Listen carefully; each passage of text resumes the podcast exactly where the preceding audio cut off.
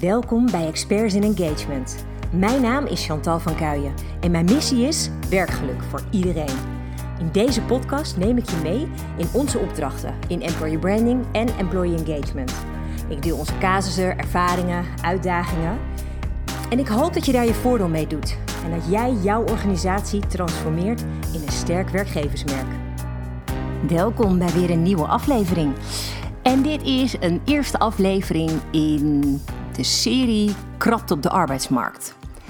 Een onderwerp waar we eigenlijk heel erg veel over horen de laatste tijd. Um, ik denk als je voornamelijk bezig bent zelf met uh, bijvoorbeeld het vullen van vacatures of um, nadenkend over volgend jaar wat wil ik met mijn team? Wil ik uitbreiden? En je wordt je enigszins bewust van hoe de hele arbeidsmarkt op dit moment in elkaar zit.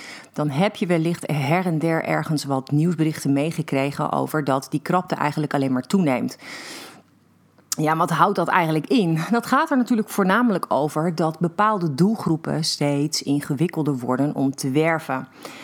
En het zit er heel erg in dat er best wel heel erg veel vacatures zijn. Maar dat je dus voor die vacatures niet per se de geschikte kandidaten kan vinden. En dat is niet over de hele breedte.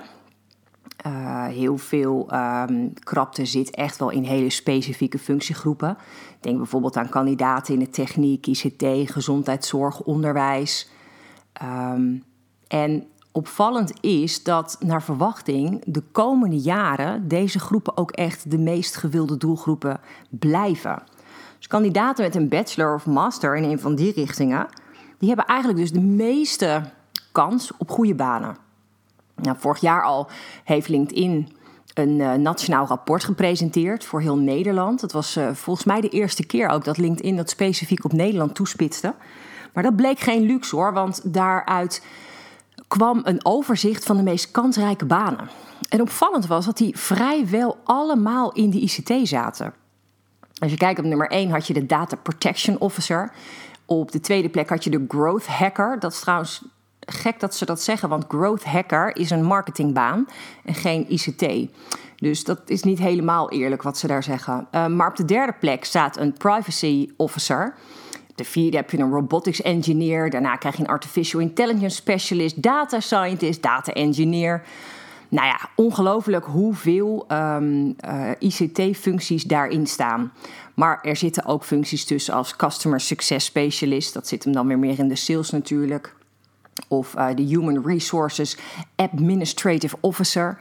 Uh, dus ja, wel wat um, bredere stukken eigenlijk.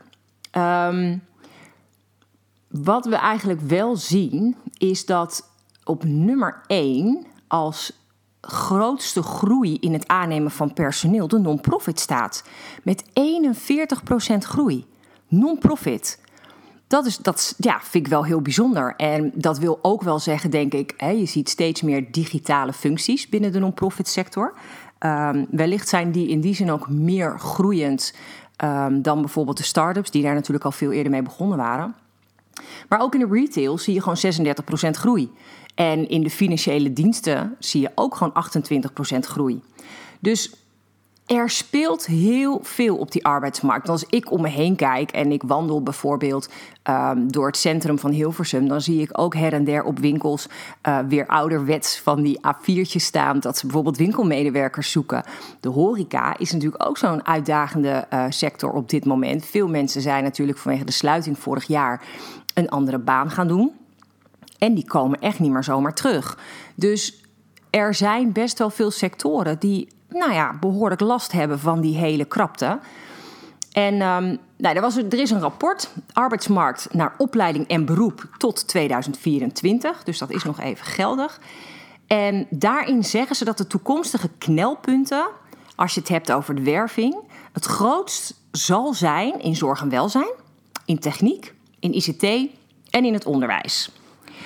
En dat zijn natuurlijk ook ja, allemaal functies waar je specifieke kennis voor nodig hebt. Je kunt over het algemeen niet zomaar zeggen als je niet het geschikte diploma hebt, joh, ik stroom even in. Dat lukt vaak bij deze functies niet. dat maakt hem dus wel ingewikkeld. Want op het moment dat er een te lage instroom is in de opleiding, en dat is waar heel veel werkgevers zich nog wel eens in vergissen. Mensen denken. Uh, bijvoorbeeld als je het hebt uh, over zaken als ik wil een divers team. Ik wil een 50-50 man-vrouw verhouding. Nou, regel het maar. Maar als jij niet eerst kijkt naar wat er binnen de opleiding zit aan mensen. Hè, stel je voor dat op de opleiding, nou kijk naar het onderwijs opleiding, daar zit volgens mij iets van 85% aan vrouwen. Minimaal 80 volgens mij. En de rest is dan mannen. Dan kan jij nooit het voor elkaar krijgen om te zeggen: van joh, we doen 50-50. Want dat is niet een reële wens. Nou, en dat geldt natuurlijk voor de krapte in die hele uh, groepen, in al die doelgroepen eigenlijk. Dus op het moment dat je gewoon te weinig mensen krijgt die die opleiding hebben gedaan, ja, dan komen ze dus uh, vervolgens ook niet um, bij jou terecht. Dat is dan gewoon geen optie. Um, en de grote vraag is nou wel. Um, naar al die werkenden met die technische of die ICT-opleiding, komt dat nou bijvoorbeeld door de toenemende digitalisering, die vervolgens ook weer alle sectoren in de economie treft. En dat is natuurlijk wel een hele ingewikkelde. Want ook bijvoorbeeld in de techniek, de, daar hebben we het echt over de bouw bijvoorbeeld. Daar zie je ook wel dat bijvoorbeeld buiten de techniek ook nog eens heel veel technische vaardigheden worden gevraagd. Dat betekent dat de mensen die dan wel de opleiding hebben, een ontzettend brede keuze hebben aan plekken waar ze terecht kunnen belangrijke om goed door te laten dringen. Want het verbaast mij persoonlijk dat werkgevers heel vaak nog niks doen om te zorgen dat ze die beste werkgever zijn voor die kandidaten.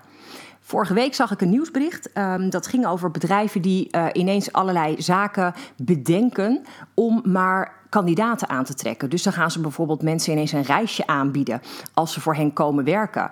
Alleen het ingewikkelde daaraan vind ik dat dat structureel niks met je werkgeversmerk doet.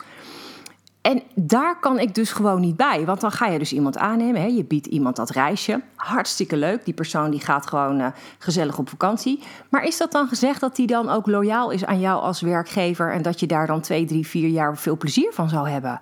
Nee, helemaal niet. Want als jij bijvoorbeeld als werkgever nog steeds je zaken niet op orde hebt voor de medewerkers... dan blijft jouw uitstroom te groot en moet je continu opnieuw mensen werven. En dat is dus het punt wat ik gewoon niet zo goed snap. Ik begrijp niet dat we niet met z'n allen veel meer werken aan structureel een sterker werkgeversmerk.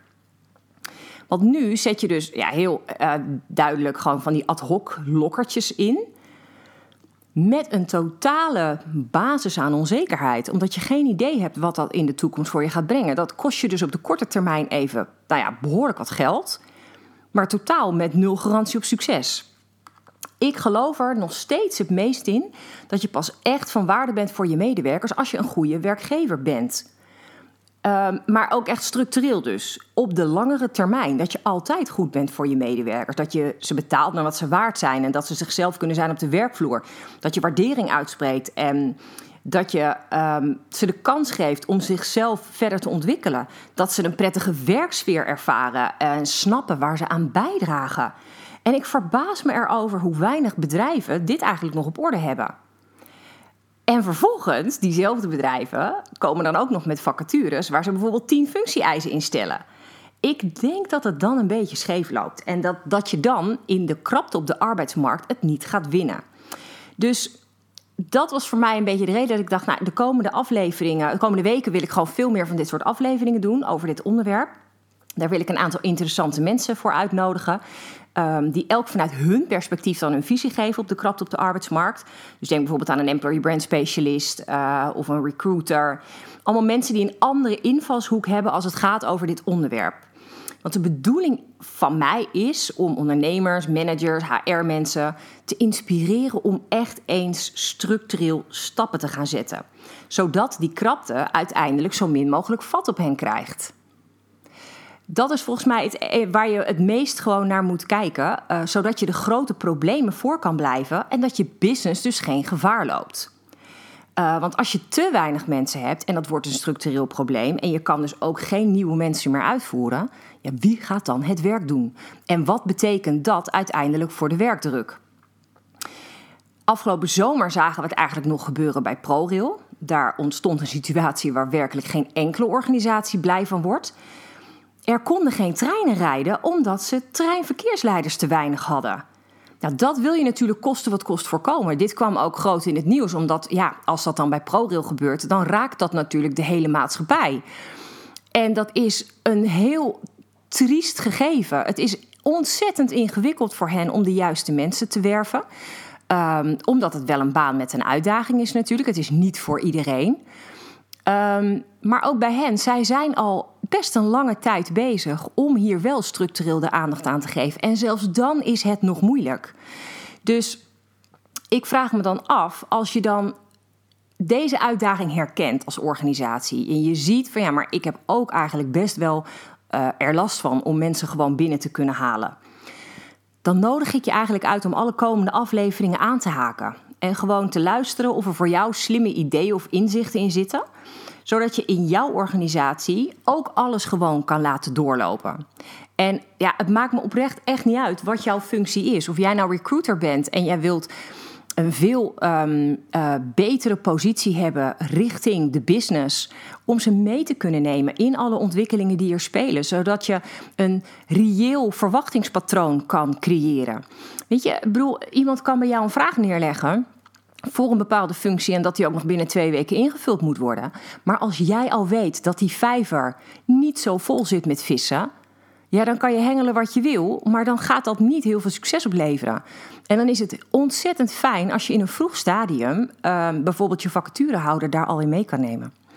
En door iedereen hier bewuster van te maken, hoop ik dat we uiteindelijk uh, veel meer ja, de samenwerking daarin kunnen opzoeken. Dat er begrip ontstaat, uh, ook voor de hele arbeidsmarkt, voor de situatie die er ligt.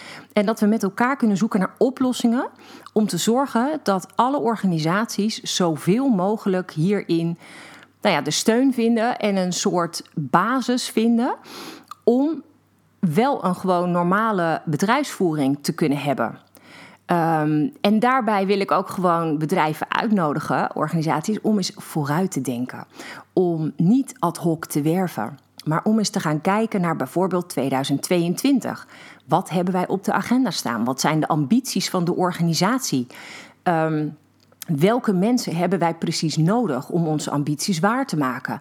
Waar zitten op dit moment knelpunten in de organisatie waar we eigenlijk graag wel een oplossing voor zouden willen zien?